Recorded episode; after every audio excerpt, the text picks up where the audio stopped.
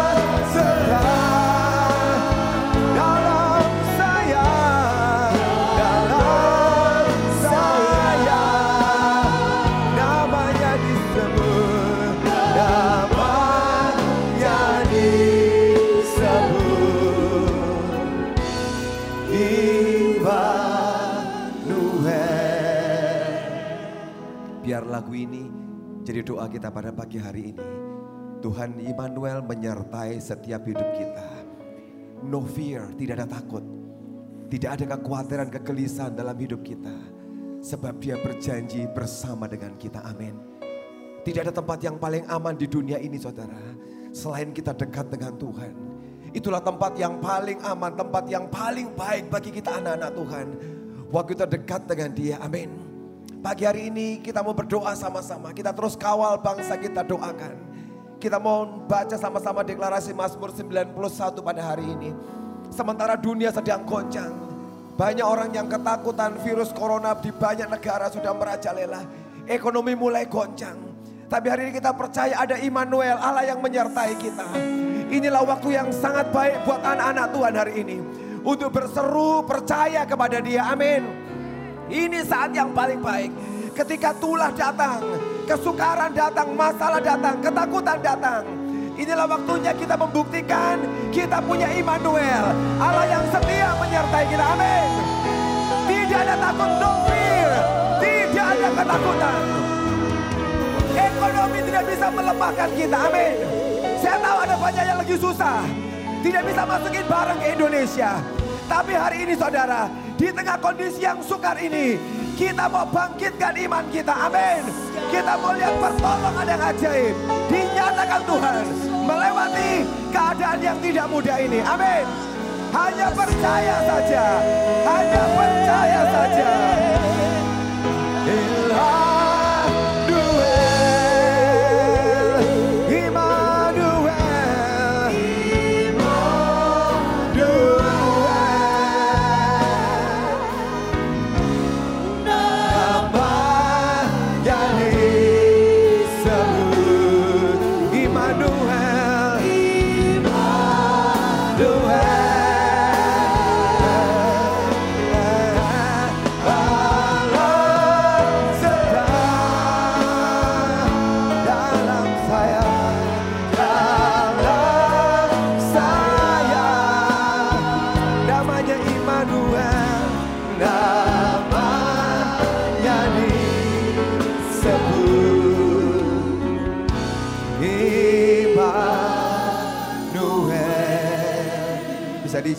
Mazmur 91, kita akan berbahasa roh, setelah itu kita sama-sama deklarasikan dengan kuat Mazmur 91.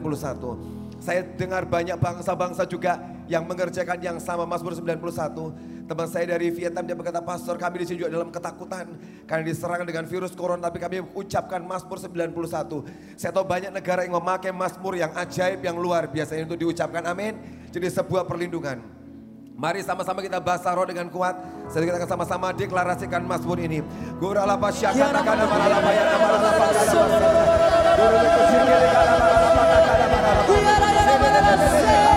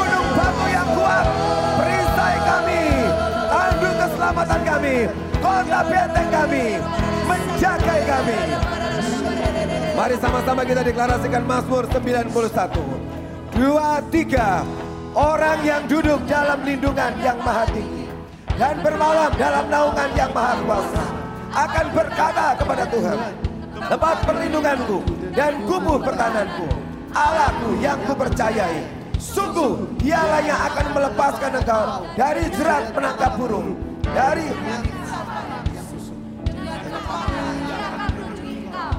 Yang matanya engkau akan berlindung.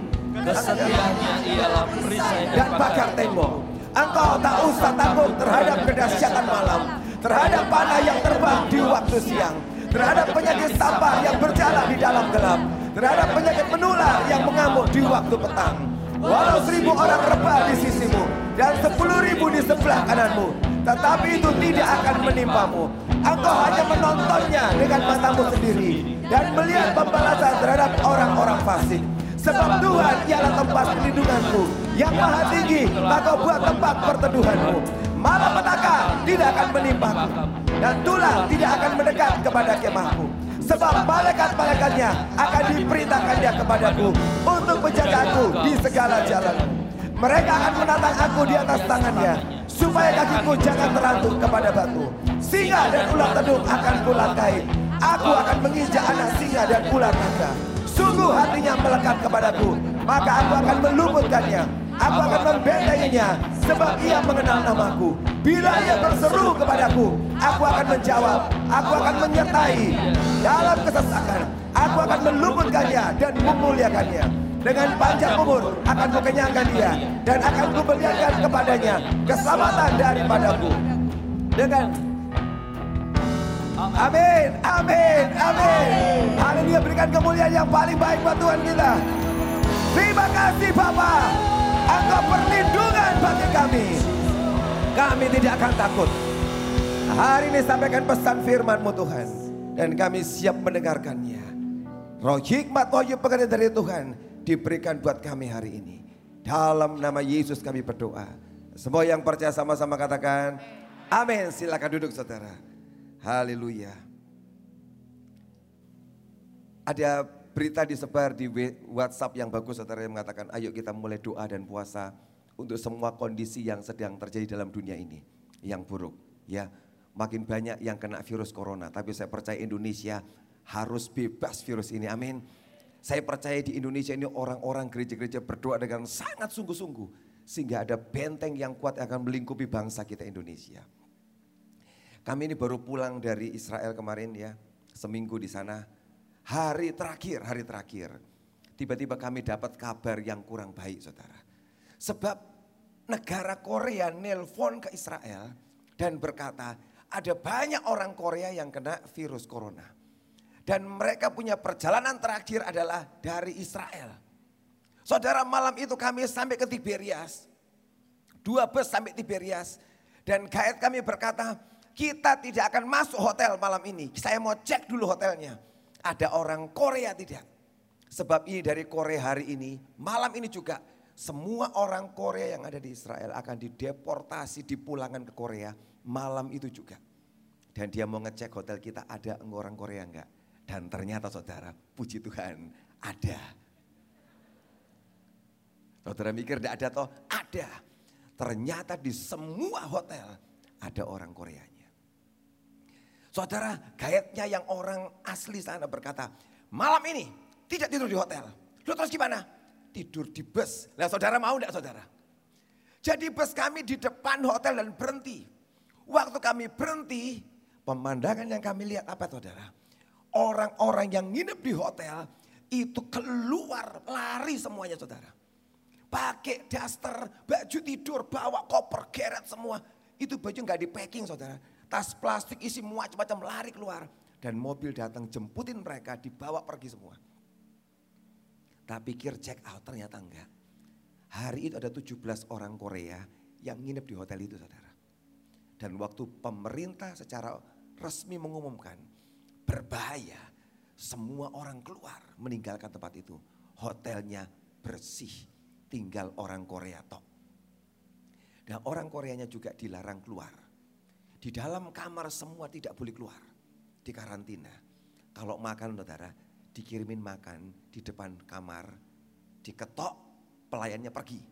Jadi orang yang ngambil bawa masuk, saya bilang kasihan banget saudara. Padahal mereka tidak sakit, semuanya sehat. Cuman gara-gara pemerintah. Waktu pemerintah mengumumkan resmi saudara ini berbahaya. Negara itu saudara. Langsung kacau saudara. Takut semuanya.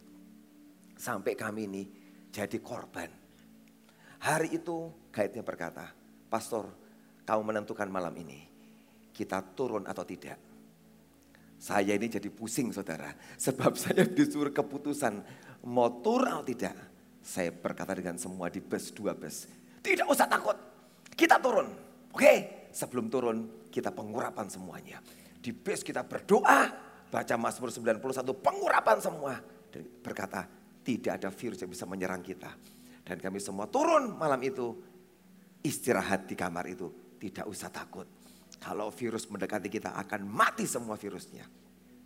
Tetap saudara, muka kita ini kan blasteran. Blasteran loh saudara. Ada yang muka Tionghoa blaster ya kan. Jadi muka kita ini macam-macam. Jadi setiap kali yang matanya rodok sipit, Korea. Indonesia. Itulah waktu di mana kami itu bangga banget jadi orang Indonesia saudara. Tenan, tiap kali muncul orang langsung gini, Korea, Indonesia, boleh makan. Begitu ngomong kata itu Korea, balik kamar, Indonesia.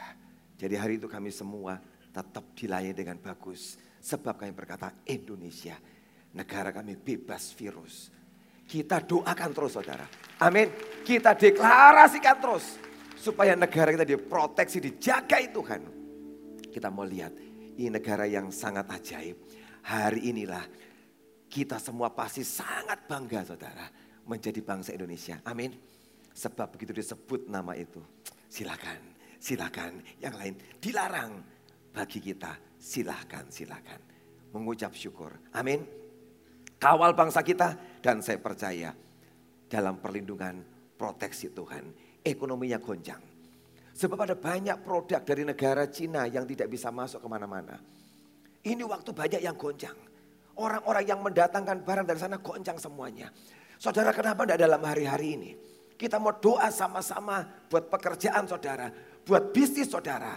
Inilah waktunya di mana di saat yang sukar ini. Justru Tuhan membuat keajaibannya. Amin. Engkau tiba-tiba dibuat sebuah terobosan yang baru. Walaupun kondisi ekonomi kurang bagus. Tapi kau lihat Tuhan menolong engkau dengan cara yang luar biasa. Ini waktu-waktu yang bagus. Mengaktifkan iman kita. Mengaktifkan. Dan saya percaya kalau engkau terus melekat pada dia. Bergantung pada dia. Kita lihat mujizat demi mujizat. Keajaiban demi keajaiban kita alami dalam kehidupan kita. Amin. Pagi ini buka firman Tuhan sama-sama. Kita akan bicara pada hari ini tentang satu topik, tentang attitude. Apa itu attitude saudara? Sikap hati. Ini ini menentukan hidup kita. Sebab sikap hati kita itu menentukan seberapa tinggi Tuhan akan bawa kita naik bersama dengan dia. Sikap hati kita menentukan seberapa tinggi Tuhan akan bawa kita naik. Saya minta gambar bagus di sini saudara. Ini Mount Everest saudara, gunung tertinggi di Himalaya. Saya pernah di gunung ini, gak naik saudara. Cuma di kaki gunung ini saudara, tapi gak naik. Mount Everest. Saudara, saudara lihat pendaki ini, bagaimana dia bisa naik ke tempat yang paling tinggi. Di Mount Everest. Di gunung yang penuh dengan es dan salju ini. Orang itu harus punya semua perlengkapan dalam hidupnya. Supaya dia bisa naik. Dan dia bisa ada di atas bertahan sekian waktu. Sebab dia melengkapi hidupnya. Kalau Tuhan pengen bawa kita naik saudara. Kita ini mesti punya perlengkapan-perlengkapan yang cukup. Supaya waktu kau dibawa naik oleh Tuhan ke atas. Engkau akan kuat bertahan di atas. Dan kau tidak akan minta turun. Saya katakan ya, engkau akan minta turun. Kalau engkau tidak kuat. Waktu kami mau pulang hari terakhir, ada satu perjalanan menuju Gunung Hermon. Di Gunung Hermon baru pertama kali ini saya ngelihat saljunya tebel banget saudara. Sampai selutut. Biasanya tipis-tipis saljunya. Tapi kali ini saya nggak tahu kenapa salju begitu tebal. Karena memang ada hujan, udara yang sangat ekstrim. Sehingga salju di Hermon sangat tebal. Seluruh gunung dibungkus dengan salju. Dan banyak orang main ski di atas. Biasanya nggak banyak saudara. Saya wah hari ini luar biasa. Sebelum berangkat kami diomongin, bawa baju perlengkapan. Celananya harus tebal, pakai long john. Sepatu mesti pakai sepatu yang hangat. Pakai kaos kaki dari wall, supaya kaki gak kedinginan. Pakai jaket, jangan jaket yang tipis. Harus yang tebal. Buat salju. Pakai penutup telinga, penutup kepala. Masker, semua perlengkapan, sarung tangan, diomongin. Sebab di atas suhunya minus. Engkau mesti pakai baju yang pas. Supaya jangan sampai engkau di atas kedinginan dan tidak kuat. Kemudian mulailah kami naik ke atas. Ketika sampai di atas semua pakai perlengkapan yang komplit saudara. Dan kami semua di atas bertahan. Kenapa saudara? Sebab di atas itu sangat dingin. Tapi sebab perlengkapannya cukup saudara. Orang yang naik semuanya bertahan. Sekalipun dibantu kadang-kadang dengan kopi panas. Dengan coklat panas. Supaya kuat menghadapi suhu minus. Di atas itu saudara. Sangat dingin. Tapi kalau engkau bisa punya perlengkapan. Engkau akan bisa bertahan. Tuhan sering kali tidak bawa kita naik ke atas. Kenapa saudara? Sebab dia tahu tempat di atas itu sangat dingin. Dan kalau engkau tidak punya perlengkapan yang cukup saudara. Engkau pasti berkata, turunkan aku, tak kuat. Bukan Tuhan yang turunkan kok saudara.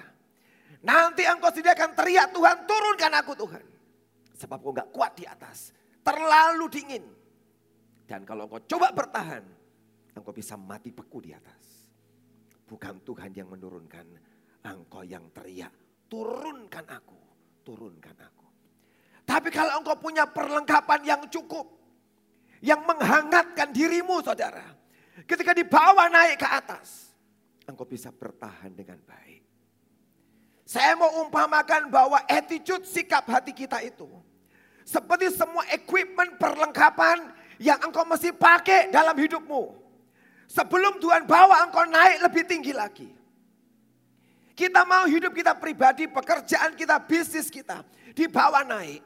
Kita pengen gereja kita dibawa naik. Semua kita kerjakan dibawa naik. Sebab itulah kehidupan yang normal. Kalau orang yang tidak normal hidupnya selalu pengen start berhenti, cukup selesai. Gak normal saudara. Tapi orang yang normal dia pengen lebih lagi dengan Tuhan. Lebih lagi pelayanannya. Lebih lagi pekerjaannya, bisnisnya. Dia pengen terus naik.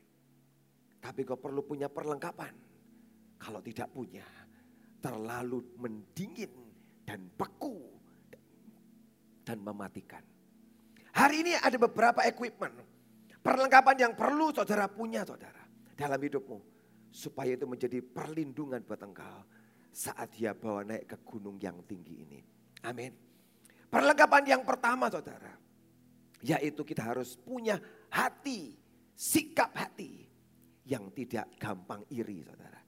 Mari buka kejadian 4 ayat yang ke-6. Kejadian pasal 4 ayat yang ke-6.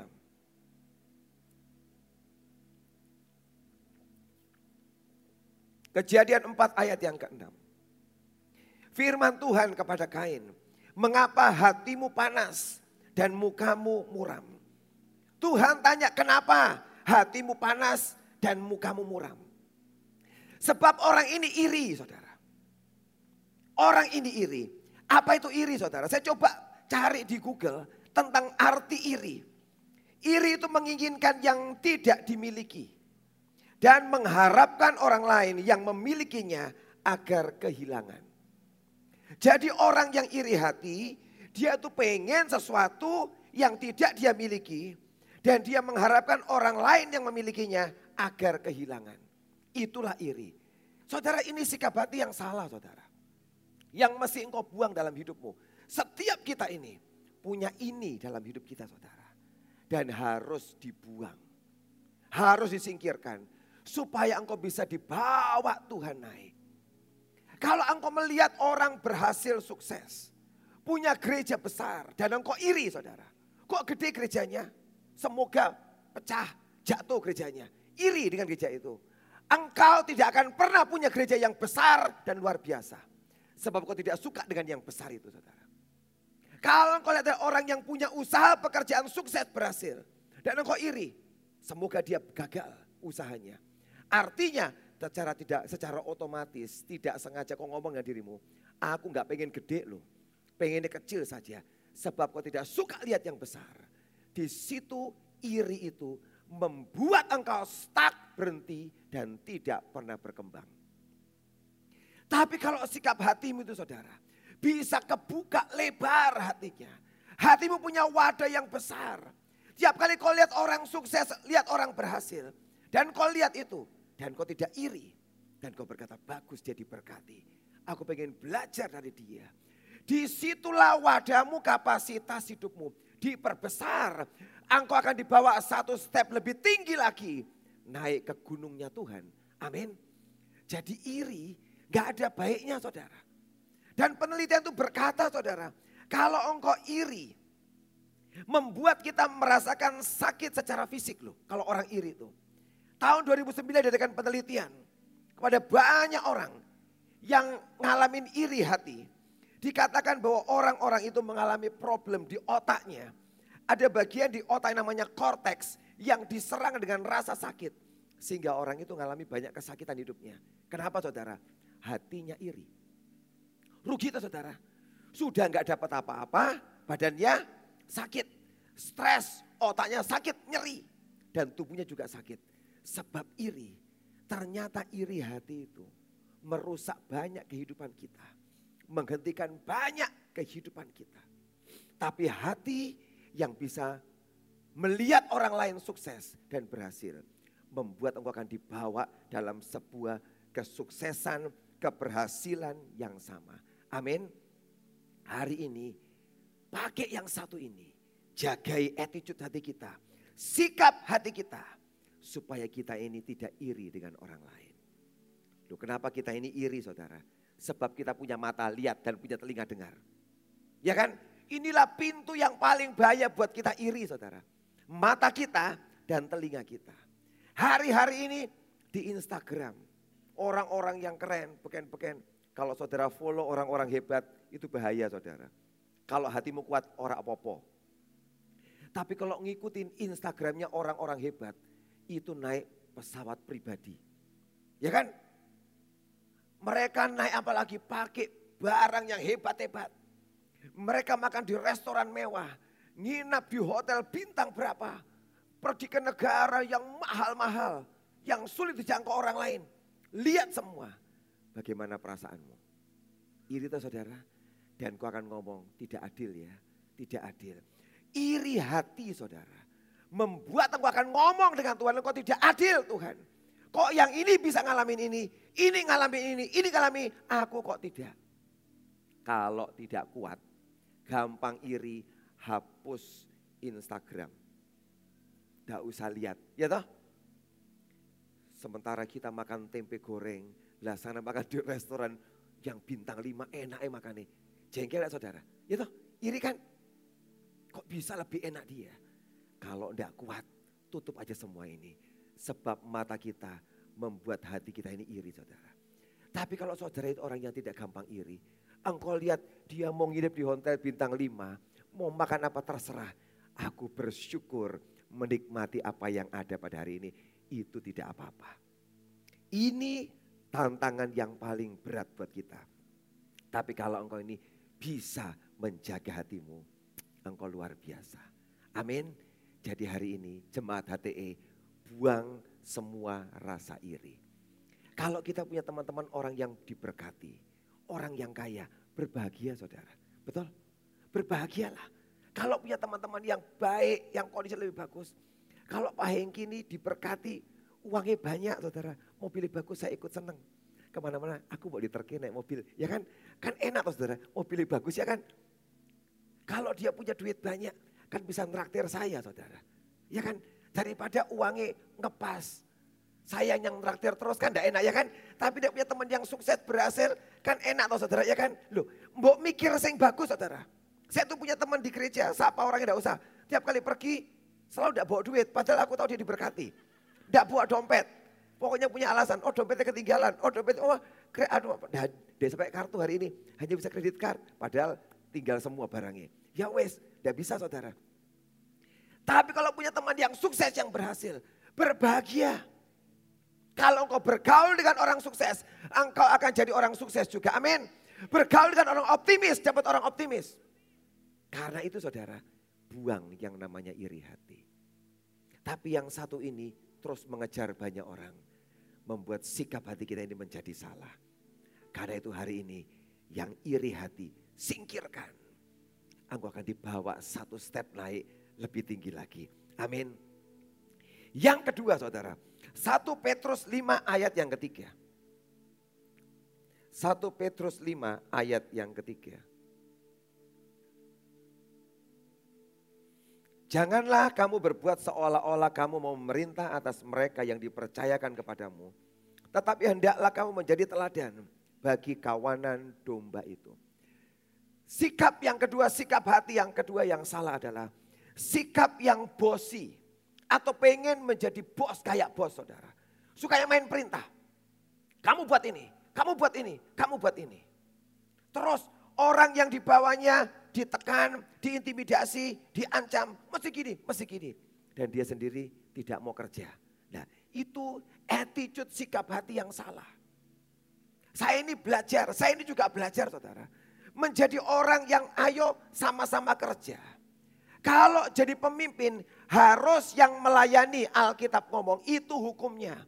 Kalau engkau memimpin harus apa? Melayani. Memang tidak enak mimpin itu saudara. Suruh melayani. Alkitab ngajari. Bukan bagian yang nyuruh-nyuruh. Bukan seperti itu. Ini sikap hati yang perlu kita kerjakan dalam hidup kita. Mari bekerja sama. Zaman banjir-banjir kita masak dapur umum. Saya tidak gengsi oh saudara, ikut bungkusin loh. Lu tidak apa-apa. Loh kenapa kita kok mau gengsi? Bungkusi barang semua jemaat sama-sama. Kita harus kerjasama. Tidak bisa mau nunjuk-nunjuk kamu yang masak, kamu yang ini, buat ini, ini. Gak bisa. Sama-sama masak, sama-sama kerja. Itu sikap yang dipuji Tuhan. Tuhan Yesus dalam pelayanannya saudara. Dia nggak pernah merintah-merintah tok. Dia selalu memberikan contoh, memberikan teladan. Memberikan pada murid-muridnya. Sehingga semua murid lihat dan mengerjakan yang sama. Kita sama di gereja ini saudara. Tidak ada yang bosi. Setiap kita mari bekerja sama. Membawa untuk kemuliaan nama Tuhan. Amin. Kalau kita bisa kerja sama dan punya sikap hati yang seperti ini. Itu luar biasa. Kalau KKR, KKR. Selesai KKR, saya ngomong kita pungutin sampah ya. Kita datang di ruangan ini bersih.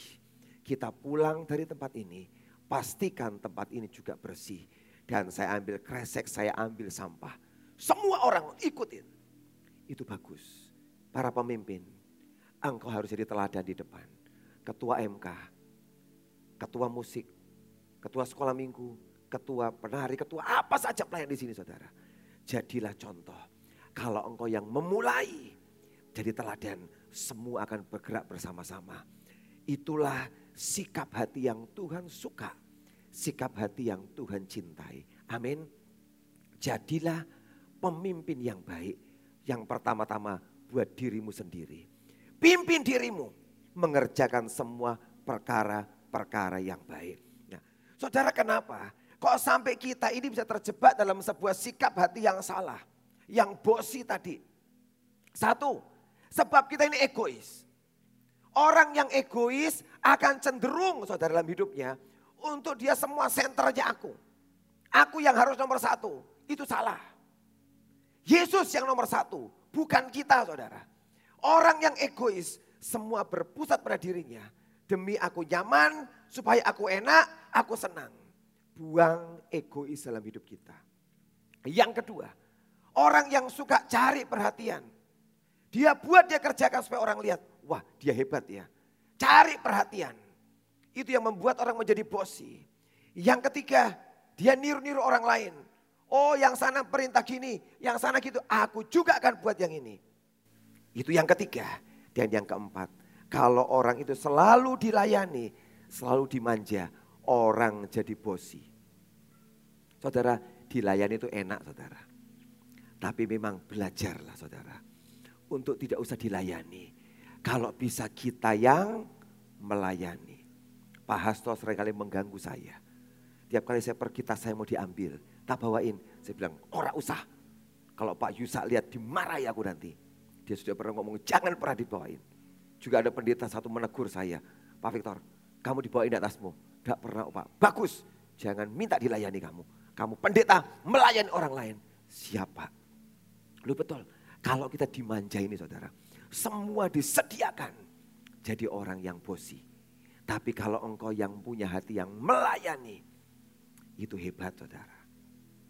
Saya satu kali orang sampai sungkan sama saya. Lupa, kok bapak ngambilin makan saya? Tidak apa-apa, harus pendeta itu melayani. Saya bilang, Pak, ini bukan drama. Tahu ngomongin. Lihat kan, banyak orang buat drama toh, ya kan? Eh, saudara, kalau hidup jadi orang pemain drama capek hidup eh. Jadilah engkau yang original. Memang asli kok saudara. Saya tuh suka ngelayani orang. Kalau ada orang makan tak ambilin itu biasa buat saya itu natural biasa. Bukan drama. Kalau drama susah saudara. Sampai suka nanya, jangan pak. Tidak apa-apa, sudah biasa. Saya mau ngajarin saudara tempat ini. Jadilah orang yang melayani. Amin. Tidak usah gengsi saudara. Apa pun juga dikerjakan dilayani. Saya nyapu tidak gengsi kok saudara. Saya diajari, jangan gengsi. Bahkan perkara pelayan yang paling kecil, jangan gengsi. Saya itu menghargai teman-teman yang ngatur kursi itu loh. Di gereja ada dua orang yang setia tiap kali kebaktian selesai ngatur kursi. Tak liatin saya tuh bangga. Tuhan orang hebat. Gak malu ngatur kursi tiap hari. Saya puji saudara. Hatinya luar biasa. Pekerjaan itu hebat gak? Dibanding dengan WL hebat mana? Dengan khotbah beda mana? Hebat mana saudara? Mungkin hebat yang noto kursi. Loh betul? Belum tentu yang ngatur kursi itu dipandang rendah oleh Tuhan. Sebab hatinya hati seorang pelayan. Tuhan mungkin berkata, aku suka, aku bangga dengan apa yang kau kerjakan. Amin. Sikap hati yang kedua, jangan pengen jadi bos. Pengenlah jadi hamba yang mau melayani. Yang ketiga saudara, belajar menghargai orang lain. Yakobus pasal yang kedua, ayat 1 sampai dengan ayat yang ketiga. Yakobus pasal 2 ayat 1 sampai dengan ayat yang ketiga. Saudara-saudaraku sebagai orang yang beriman kepada Yesus Kristus Tuhan kita yang mulia. Janganlah iman itu kamu amalkan dengan memandang muka. Sebab jika ada seorang yang masuk dalam kumpulanmu dengan memakai cincin emas dan pakaian indah. Dan datang juga seorang miskin ke situ dengan memakai pakaian buruk. Dan kamu menghormati orang yang berpakaian indah itu. Dan berkata kepadanya, silakan Tuhan duduk di tempat yang baik ini sedang kepada orang yang miskin itu, kamu berkata, berdirilah di sana. Atau duduklah di lantai. Ini dekat tumpuan kakiku. Ini bicara tentang memberikan penghargaan kepada orang lain. Mari saudara tempat ini miliki attitude sikap hati yang belajar menghargai orang lain bukan karena kekayaannya, bukan karena hartanya. Hargai orang lain sebab dia adalah orang yang diciptakan Tuhan yang dicintai Tuhan, yang dikasihi Tuhan. Kalau saudara bisa melihat orang lain sebagai ciptaan yang mulia, yang sama dengan saudara. Nanti engkau bisa memberikan penghargaan pada setiap orang saudara. Siapa saja engkau berikan penghargaan. Engkau tidak melihat lagi orang berdasarkan kastanya, kekayaannya, kedudukannya. Memberikan penghormatan sama kepada semua orang. Ini pelajaran yang sangat penting yang diajarkan dalam hidup kita. Belajar untuk menghargai orang lain. Saya kadang-kadang jo malu saudara memberikan penghargaan buat orang lain. Kalau di lampu abang hijau, traffic light, ada waria yang saya kenal dan dia kenal saya. Karena pernah melayani saudara. Ketika buka gitu dia icik icik icik nyanyi ya sambil nyanyi aku tak mau jikalau aku di madu misalnya dia Misalkan gitu ya, dia kan nyanyi, dia mau nih di madu, minta diracun. Ya, nah. Dia nyanyi. Lah saya lihat, aduh aku kenal ini. Ayo, bagaimana sih kamu saudara? Kira-kira malu enggak saudara? Tapi saya buka pintunya, jendelanya saya buka. Dan saya memberikan lebih. Kalau yang lain seribu, yang ini harus lima ribu, sepuluh ribu. Kenal. Tadi kasih, makasih om. Ya selesai. Loh saudara kadang-kadang tak ajak omong sebentar. Gimana mbak? Tak panggil mbak supaya menghormati ya. Panggil mas kan dia jengkel. Sudah dandanan apa namanya totalitas ya kan dandanannya mau dipanggil mas. Jadi panggil gimana mbak? Oh ya om kapan kumpul-kumpul lagi? Wes nanti wae ya kan. Lagi sibuk omnya ya kan. Om lagi sibuk. Tapi paling ya saya itu loh saya kadang-kadang rotok malu. Nanti orang ngomong apa? Waduh kok pergaulan dengan waria ya kan? Loh saudara apakah dia itu setan? Bukan toh. Dia manusia loh saudara. Yang dia pun itu perlu sebuah penghargaan. Sekalipun saya nggak setuju dengan hidupnya. Dia salah, dia berdosa. Tapi tetap saya memberikan penghargaan. Sebab bagaimanapun juga dia ciptaan Tuhan. Saya tidak boleh melecehkan dia, merendahkan dia, menghina dia. Dia tetap ciptaan Tuhan. Ya kan? Itu belajar. Walaupun buat saya tidak enak. Rotok malu. Tapi tidak apa-apa saudara. Belajar memberikan penghargaan. Biasanya tantangan kita ini untuk orang-orang yang lebih bawah dari kita. Kalau memberikan orang penghargaan dengan orang yang lebih tinggi, gampang saudara. Orang yang lebih hebat, lebih gampang. Tantangan terbesar, memberikan penghargaan kepada orang-orang yang lebih di bawah kita. Bisa enggak saudara memberikan penghargaan buat mereka? Di rumah saya punya pocokan. Pocokan. Tapi saya belajar menghargai saudara. Kalau dia sibuk, cuciannya banyak di rumah. Cucian piring. Saya bantu cuci loh. Tak bantu. Supaya meringankan. Dia besok datang, ini cucian kok numpuk. Saya nyuci, tak cuci saudara. Kenapa lo? Tidak usah dicuci, biar aja ada pembantu. Saya bilang enggak. Ringankan pekerjaannya. Saya belajar menghargai dia betul. Saya berhak menyuruh dia karena saya menggaji dia. Tapi kalau saya bisa menolong dia sedikit saja, meringankan supaya yang cucian piring biar aku yang ngurusin. Gak banyak kok saudara, cuma sedikit. Tapi saya belajar memberikan penghargaan buat dia. Kalau baju numpuk terlalu banyak, dia pasti susah nyucinya. Saya cuci sebagian hari ini dengan mesin cuci supaya nolong dia besok lebih ringan pekerjaannya. Tapi saya tahu itu masalah sikap hati kok saudara. Perlu dipelajari, perlu mengerti dalam bersama dengan Tuhan. Sampai dia ngomong, bantu dan tolong orang ini. Orang yang di bawah kita.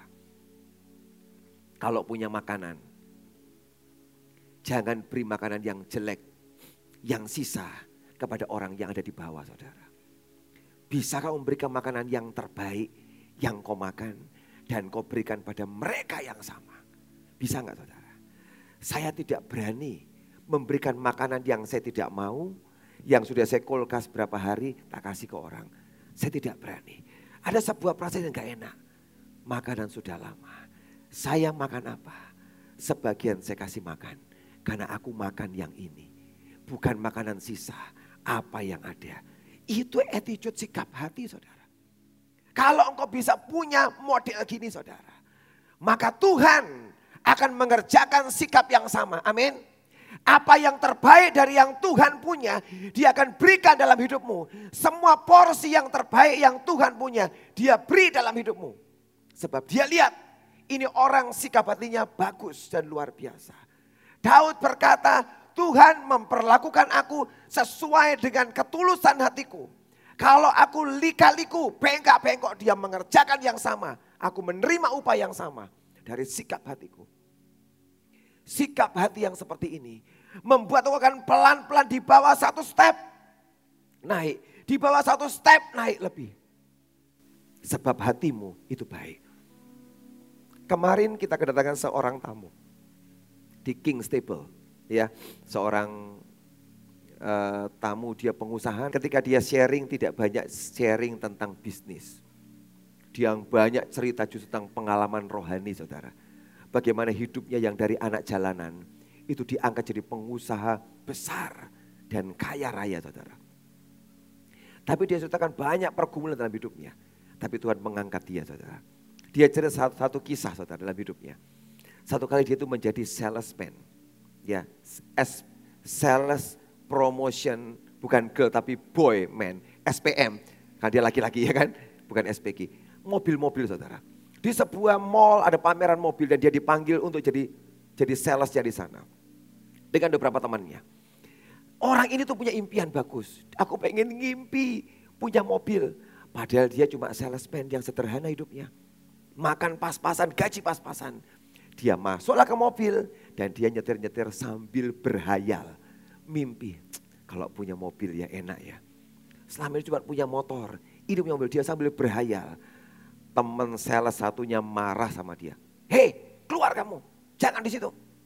Kamu tuh sampai kapan ndak bakal bisa beli mobil kamu. Wong kamu aja hidupnya susah kayak gitu. Dia disuruh keluar dari mobil itu saudara. Dan dia dilaporkan pada pimpinannya. Gitu loh, sales malah kayak gini perbuatannya. Tidak kerja, malah nongkrong dalam nyetir-nyetir sambil berhayal sedang nyetir mobil. Kasihan dikeluarkan saudara dari kerjaan jadi sales itu saudara. Waktu berlalu bertahun-tahun. Satu kali orang ini datang ke sebuah mall. Ada pameran mobil lagi. Dia mau belikan mobil buat ibunya. Mama yang mau beli mobil, mobil yang pakai sliding. Karena mamanya itu agak susah naik mobilnya. Dibeliin yang murah. Dan dia lihat mobil, ada satu mobil yang baru. Baru pameran. Belum bisa dijual. Dia datang, dia lihat, dia cek semua. Dia tanya mamanya, ma suka enggak? Suka. Dia beli. Aku mau beli mobil ini.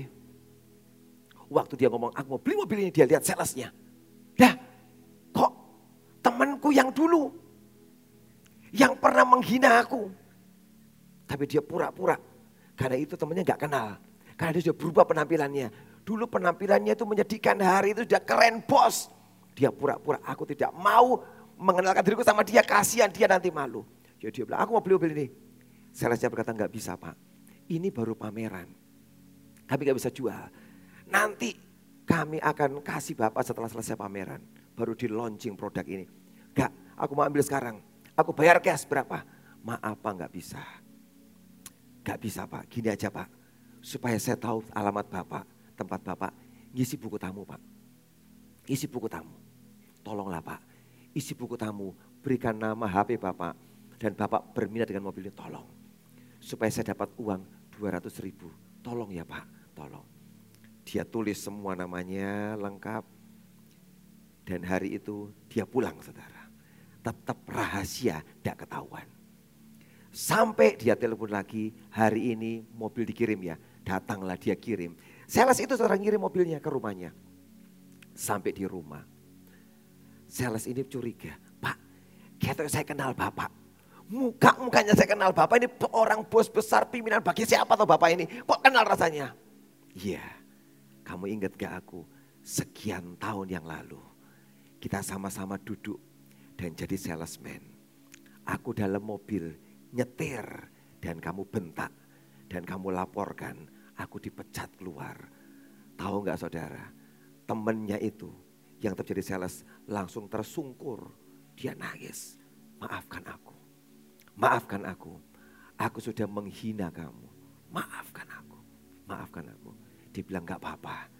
Justru pengalaman itu memacu hidupku supaya jadi orang yang sukses hari ini. Terima kasih. Pengalaman itu bawa aku naik makin sungguh-sungguh. Dan dia amplopin uang, dia beri. Ini buat kamu ya, tip buat kamu, buat anak-anakmu. Dibuka, kebanyakan pak, gak banyak. Bawa pulang. Aku tahu keluargamu membutuhkannya. Saudara, bisakah engkau menghargai orang? tidak berdasarkan apa yang kau lihat dengan matamu. Sebab kalau engkau menilai orang dengan apa yang kau lihat, lihat semua orang sebagai orang yang satu kali jadi orang hebat, orang besar. Tidak dibalas hari itu saudara. Tetap dia berbuat kebaikan. Dia pandang ini walaupun dia temannya salesman, tetap dia menghargai hari itu. Dia menghormati, bahkan dia memberikan tip tambahan karena dia sudah bekerja dengan baik. Saudara, kita nggak pernah tahu nasib orang lain. Hari ini mungkin mereka ada di bawah saudara. Tapi satu kali mungkin mereka dibawa Tuhan naik ke atas. Tapi kalau engkau menghargai semua orang. Waktu ada orang-orang yang diangkat di atas. Engkau juga akan diuntungkan. Amin. Karena itu hargailah orang lain, hargailah orang lain. Amin. Ini tip yang penting supaya engkau diangkat Tuhan naik ke atas. Kadang-kadang pembantu di rumah itu merusakkan barang kita. Pernah ngalami? Barangmu rusak gara-gara pembantu. Padahal barangmu itu barang mahal, ya kan? Oh, dirusakkan saudara. Saya juga ngalami saudara. Satu kali saya beli baju, wah saya senang bagus. Ya, dari luar saya beli. Sampai tak eman-eman, kalau nyetrik hati-hati saudara. Karena saya ngerti ini gak boleh sembarangan. Satu kali kelolosan saudara. Waduh dicuci sama dia dan disetrika. Bahannya itu ada karetnya saudara. Waktu disetrika, saya lihat baju saya sudah blonyok semua saudara. Itu karetnya, sablonannya, itu sudah melebar ke mana-mana. Saya lihat, aduh Tuhan. Aku suka inilah, kok disetrika melebar semua. Dua reaksi muncul. Tunjukkan bajunya. Mbak, kamu tidak tahu ini harganya berapa ini ya mbak?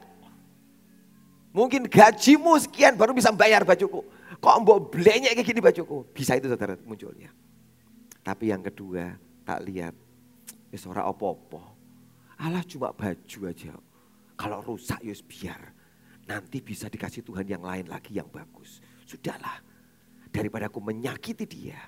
Tak lihat bajuku, tak lempet, tak simpan. Simpan saja. Tidak usah dipakai. Saya juga malu pakai blobor semua. Simpan saja. Tapi saya belajar Tuhan. Dia kan gak tahu. Kalau ini barang, kalau disetrika terlalu panas. Akan blonyok ini loh karetnya. Ya sudah dia tidak tahu.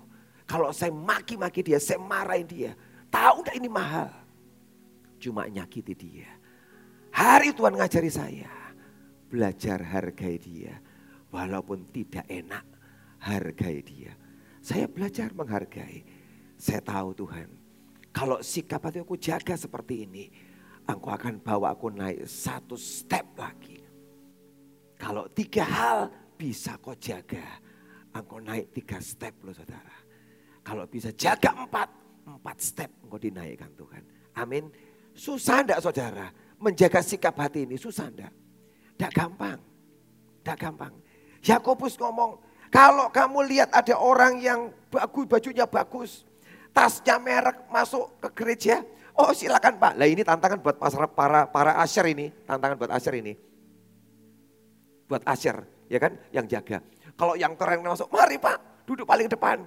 Kalau ada yang kurang bagus penampilannya, bajunya sederhana, wah Bapak di mana ya? Wah dekat WC aja Pak, ya kan. Nah ini tantangan buat kita loh saudara. Ya kan, lah saya itu takut ngurusi gini saudara. Saya takut. Kalau justru orang sederhana itu rodok ngati-ngati saudara. Kenapa? Sebab kalau Tuhan ngamuk bahaya kita saudara. Ya kan? Saya itu menjaga hati, hati-hati. Kalau ada orang sederhana ketemu saya, Pak doakan saya gini, tak doain sungguh-sungguh. Tak doain sungguh-sungguh serius. Ada yang datang sama saya orang sederhana, Pak minta bantuan gini-gini. Saya itu berusaha membantu sebisa saya saudara. Tak bantu saudara, tak tolong. Karena saya takut. Sebab mereka orang sederhana. Jangan-jangan Tuhan ngomong, ayo beda-beda ke orang ya. Kalau sama yang baik, yang kaya dilayani. Sama yang susah sembarangan. Saya berusaha keras membuat rata Orang yang kaya, yang sederhana harus sama ngelihatnya. Gampang dah saudara? Tidak gampang. Tidak gampang, susah. Tapi kalau engkau bisa menjaga hatimu, engkau jadi orang yang hebat, orang yang luar biasa. Amin. Yang keempat saudara, Matius 18. Matius 18 ayat 29 sampai dengan ayat yang ke-31. Matius 18 29 sampai dengan 31. Maka sujudlah kawannya itu dan memohon kepadanya sabar dahulu. Hutangku itu akan kulunaskan. Tetapi ia menolak dan menyerahkan kawannya ke dalam penjara sampai dilunaskannya hutangnya. Melihat itu kawan-kawannya yang lain sangat sedih. Lalu menyampaikan segala yang terjadi kepada Tuhan mereka. Ini perumpamaan Tuhan Yesus. Tentang dua orang hamba. Hamba yang pertama punya utang yang gede banget sama raja. Dia mohon raja tolong ampuni aku. Raja berkata oke aku ampuni kamu. Lunas utangmu. Sementara temannya punya utang yang sangat sedikit saudara. Tidak seberapa. Tapi dia keluar setelah dibebaskan. Ngomong sama teman yang punya utang sedikit. Ayo sekarang bayar utangmu. Kembalikan utangmu. Padahal utangnya dikit banget saudara, nggak seberapa dibanding yang banyak banget yang diampuni oleh raja itu. Ini gambaran orang yang tidak berempati. Saudara, kalau engkau itu ditolong orang, hidupmu ditolong orang, punyalah hati yang juga berempati menolong orang lain. Itu sikap hati loh saudara. Mau menolong orang lain, berempati dengan orang lain. Saudara. Saya satu kali pernah menegur, satu orang staf tak tegur dengan keras. Saya jengkel dan marah saudara. Kenapa? Satu kali di sekolah, ada orang yang ibu mau bayar uang sekolah. Datang tergopoh-gopoh ke sekolah, dibilang saya mau bayar uang sekolah. Sementara hari itu sudah tutup bagian administrasinya, keuangan tutup. Udah pergi orangnya, gak ada. Dibilang, bu saya mau bayar, tolong. Oh maaf sudah tutup. Bu bisa nggak saya tetap bayar, titip dulu. Karena gini, saya ini izin untuk datang ke sini. Tiap hari saya kerja, saya tadi izin dengan bos untuk datang bayar uang sekolah. Bisa nggak diterima dulu. Kalau hari ini saya nggak dibayar, besok saya izin lagi, saya nggak enak nanti bosnya marah. Kok izin bayar uang sekolah kemarin sudah ini izin lagi. Bisa nggak titip? Staff itu ngomong dengan gini, nggak bisa bu. Ibu masih bayarkan bagian keuangan, saya nggak mau terima. Kebetulan kok saya di situ, saya senang saudara. Langsung tampilin sampo, keramas kamu. Tapi kamu kenapa kayak gitu sikapmu ya? Kamu tidak tahu susahnya dia. Orang itu jauh-jauh kerja, ambil waktu izin demi bayar uang sekolah. Supaya dia bisa bayar uang sekolah. Sudah izin dia itu kerja loh. Bu kamu yang di sini terima tanda terima dulu kasih. Besok kamu sampaikan ke bagian keuangan. Kan bisa toh. Itu kan perkara kecil. Milikilah hati yang mau berkorban sedikit. Apa kamu tidak kasihan sama dia? Sudah jauh-jauh izin. Wong masalah tanda terima aja kok tidak mau ngasih. Karena saya hari itu pimpinan di situ jadi mereka semua ngasih ngasih saudara. Saya bilang perlakukan dengan baik orang-orang. Cuman hal kecil, berkorban sedikit. Itu gak apa-apa saudara. Itu orang yang punya empati. Tapi itu sikap hati loh saudara. Itu sikap hati. Saya satu kali lihat Youtube bagus. Wali kota Surabaya. Kenapa hari ini dia terkenal dan viral dan dikagumi banyak orang. Wali kota Surabaya. Satu kali saya lihat Youtube-nya saudara. Datang di kantor saudara, kelurahan dan hari itu banyak orang antri ngurus semua surat-surat KTP. Dia datang, dia tanya, ini mana? Belum hadir bu. Ini mana? Belum datang. Kerja koyong ini, buat denguamu. Langsung dikatakan, panggil semua ini kumpul. Kamu tidak tahu, semua orang sudah nunggu dari pagi. Dan kamu semua pegawai-pegawai tidak datang di sini. Dan kamu seenaknya. Saya lihat di Youtube, iya ya ini pimpinan bagus. Betul kok saudara, tidak boleh semaunya Orang nunggu lama dan dia seenak-enaknya saja. Para pegawai belum datang, dimarahin semua. Kamu nggak tahu betapa susahnya mereka. Ini dari jauh semua mereka. Cuma cari surat. Kok kamu perlakukan seperti itu? Saya bilang aku suka seperti itu. Pemimpin yang punya empati dengan orang-orang sederhana. Memang yang datang orang sederhana semua di kantor itu. Mereka semaunya sendiri. Bagus saudara. Kita harus punya empati itu sikap hati loh saudara. Itu sikap hati. Dan itu perlu kita miliki dalam hidup kita. Ayo miliki. Kadang-kadang berkorban sedikit tidak apa-apa kok saudara. Ayo kerjakan. Tuhan akan bangga dan suka dengan hidup saudara. Amin. Kalau engkau punya sikap hati yang seperti ini saudara. Saya kenapa sering kali suka berbuat kebaikan saudara. Karena saya ini mengalami banyak anugerah kebaikan dari Tuhan dalam hidup saya. Hidup saya itu tidak gampang dulu, orang sederhana. Tapi saya ngelihat mujizat keajaiban Tuhan terjadi banyak di hidup saya. Kalau saya ngeliat orang susah, saya pengen nolong mereka saudara. Wong saya juga pernah susah dulu kok. Ya kan? Karena pernah ngalami susah, dapat anugerah. Hari ini kalau lihat orang susah, saya coba nolong supaya orang itu dapat anugerah juga. Pengen. Kalau teman-teman di kantor ulang tahun, tak ajai makan. Yuk pergi makan yuk. Kalau saya punya duit tak bayar KB saudara. Tidak yang mahal-mahal saudara. Di restoran yang sederhana aja. Tapi yang penting aku bisa bayar sedikit buat mereka. Saya senang ngajak mereka makan di restoran. Itu kenapa saudara? Saya punya background jarang makan di restoran. Zaman kecil saya, saya coba tak ingat-ingat saudara. Saya itu kapan dimakan di restoran saudara? Seumur hidup saya waktu kecil, zaman kecil cuma dua kali tok ke restoran. Yang saya ingat loh saudara. Yang satu, saya diajakin makan di restoran itu makan bakso. Keluarga teman saya datang dari Makassar, keluarga saya datang diajakin makan di restoran gitu ya. Di Surabaya. Wah itu senang. Yang kedua, ketika kantor papa saya buat acara, diajakin makan. Saya ingat makan sop jagung di dalam kelapa. Nah kelingan, saking jarangnya di restoran saudara. Kalau sering lali KB ya kan, jadi bagi saya itu makan restoran itu mewah banget saudara. Keluarga kami sangat sederhana kok saudara. Jadi kalau saya itu bisa membawa orang, neraktir, bayarin orang, saya itu bangga, seneng ya, seneng ya. Kalau membuat orang lain itu seneng. Uang hari saya ditraktir, saya itu seneng banget. Saya punya banyak pengalaman kebaikan. Ketika di gereja ada tukar-tukaran kado saudara. Saya ingat hari itu di waktu acara Natal dikasih harga yang murah, tukaran kado. Waktu itu tukar kado saya, buka kado saya, saya senang banget. Dapat t-shirt yang bagus, halus banget. Pada hari Natal, waduh senang banget saya. Saya tahu ini pasti teman saya tahu saya. Waktu dapat namanya Victor, dia coba memberikan yang terbaik buat saya. Saya ngasih paling cangkir yang murah, yang seharga tukar kado. Tapi harga kaos yang dia kasih jauh harganya sangat mahal daripada yang standar diberikan dalam tukar kado. Sebab dia lihat nama saya. Saya merasa Tuhan, kalau orang aja berbuat baik pada saya, kok saya tidak berbuat baik kepada orang. Dari itulah saya ciptakan sebuah attitude sikap hati. Mari senangkan orang. Nolong orang. Kalau engkau bisa nolong orang. Amin. Kalau engkau punya hati seperti saudara, tenang. Tuhan di surga akan berbuat kebaikan dalam hidup saudara. Amin. Tenang, dia pasti berbuat kebaikan. Yang terakhir, yang kelima saudara. Kita buka 2 Timotius 3 ayat yang kedua. 2 Timotius 3 ayat yang kedua. Manusia akan mencintai dirinya sendiri dan menjadi hamba uang. Mereka akan membual dan menyombongkan diri mereka akan menjadi pemfitnah. Mereka akan berontak terhadap orang tua dan tidak tahu berterima kasih. Tidak mempedulikan agama. Tidak tahu berterima kasih.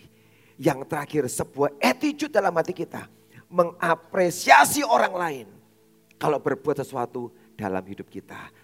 Ucapkanlah terima kasih. Tidak apa-apa, tak ajarin buat jemaat HTE.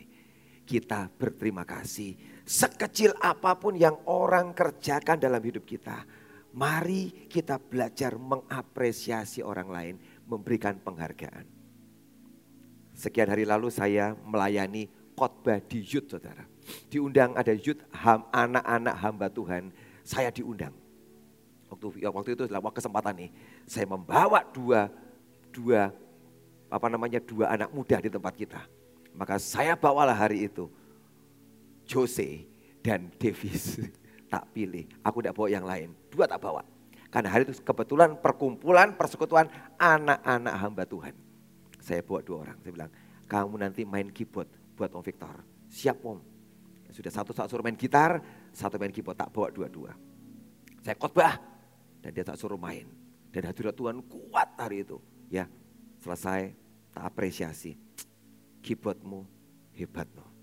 Kamu bisa membawa hadirat Tuhan yang anak saya tak omongi main gitar. Dia bilang, papi gitarnya dicolokin. Sudah. Dia jadi main gitar saudara. Kalau kok dia main bisa nambah double urapannya ya kan. Twing, naik ya kan. Tapi sudah tak omongin, dimainkan tidak apa-apa. Tidak dicolok, ya sudah tidak mau dicolok dewi kan bisa ya kan. Tapi saya hargai yang kamu kerjakan. Hebat, luar biasa. Kamu main waktu aku, kamu nyembah Tuhan. Bagus, hadirat Tuhan. Kamu lihat tadi itu, orang dijamah Tuhan dengan luar biasa. Belajar memberikan apresiasi kepada orang lain. Kalau orang buatin saya minuman, makasih ya sudah buat minuman.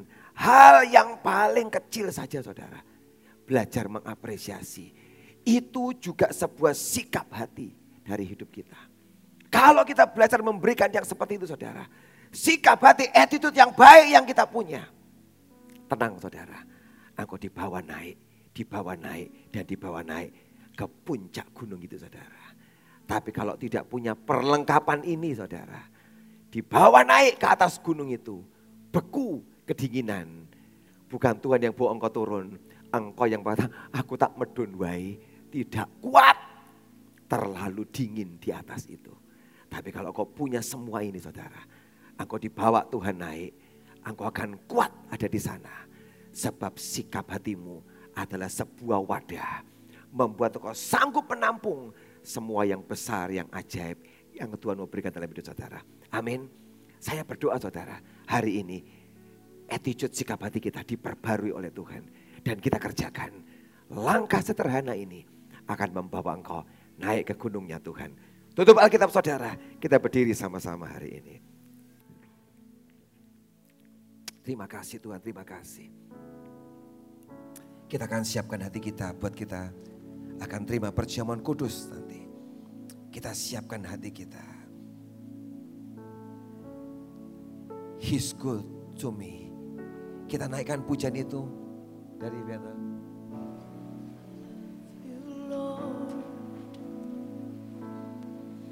Oh, And your your mercy never fails me. And all my days I've been held in your hand. From the moment that I wake up until I lay my head, oh, I will sing of the goodness of God.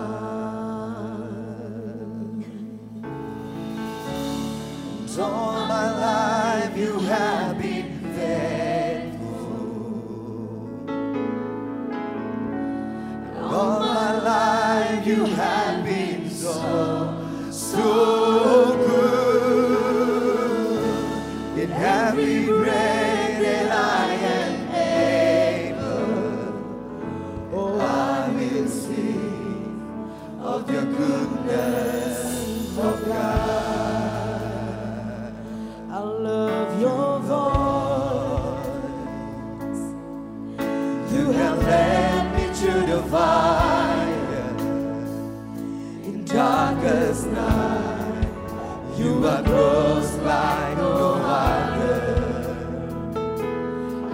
you as a father.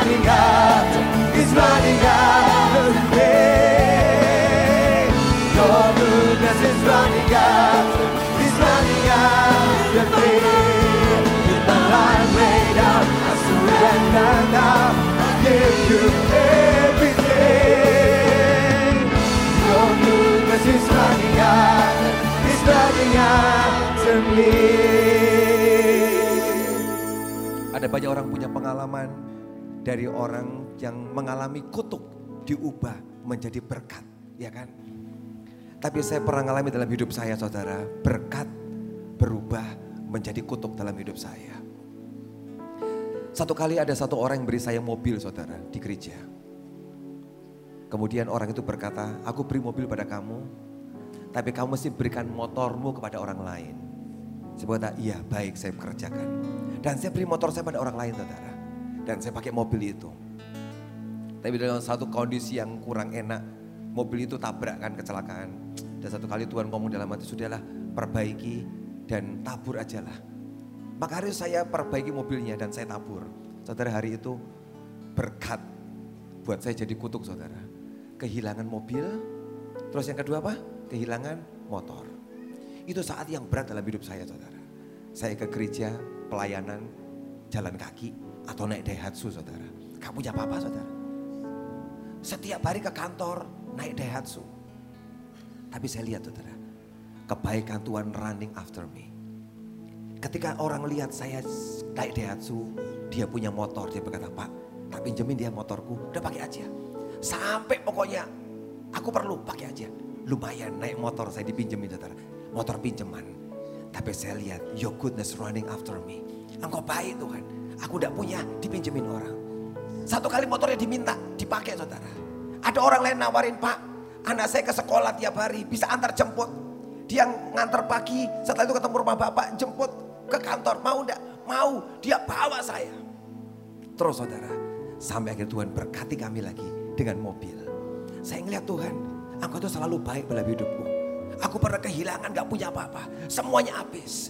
Selalu engkau mengusahakan yang terbaik dalam hidupmu. Waktu saya lihat orang memberikan pinjaman motor bagi saya, saya lihat Tuhan yang sedang bekerja. Ketika saya ngelihat motornya diambil, dia berikan orang lain yang mau jemput saya dengan mobilnya. Itu kebaikan Tuhan. His goodness is running after me. Saudara tahu, dalam segala keadaan Tuhan kita selalu merencanakan yang perfect dalam hidupmu. Bahkan dalam kondisi yang paling jelek sekali saudara. Kalau kau bisa percaya kepada dia, dia tetap membuka jalan dalam hidupmu. Amin. Ini lagu yang hebat saudara. His goodness running after me. Amin. Mari naikkan sama-sama. Your goodness is running after, is running after me. Your goodness is running after,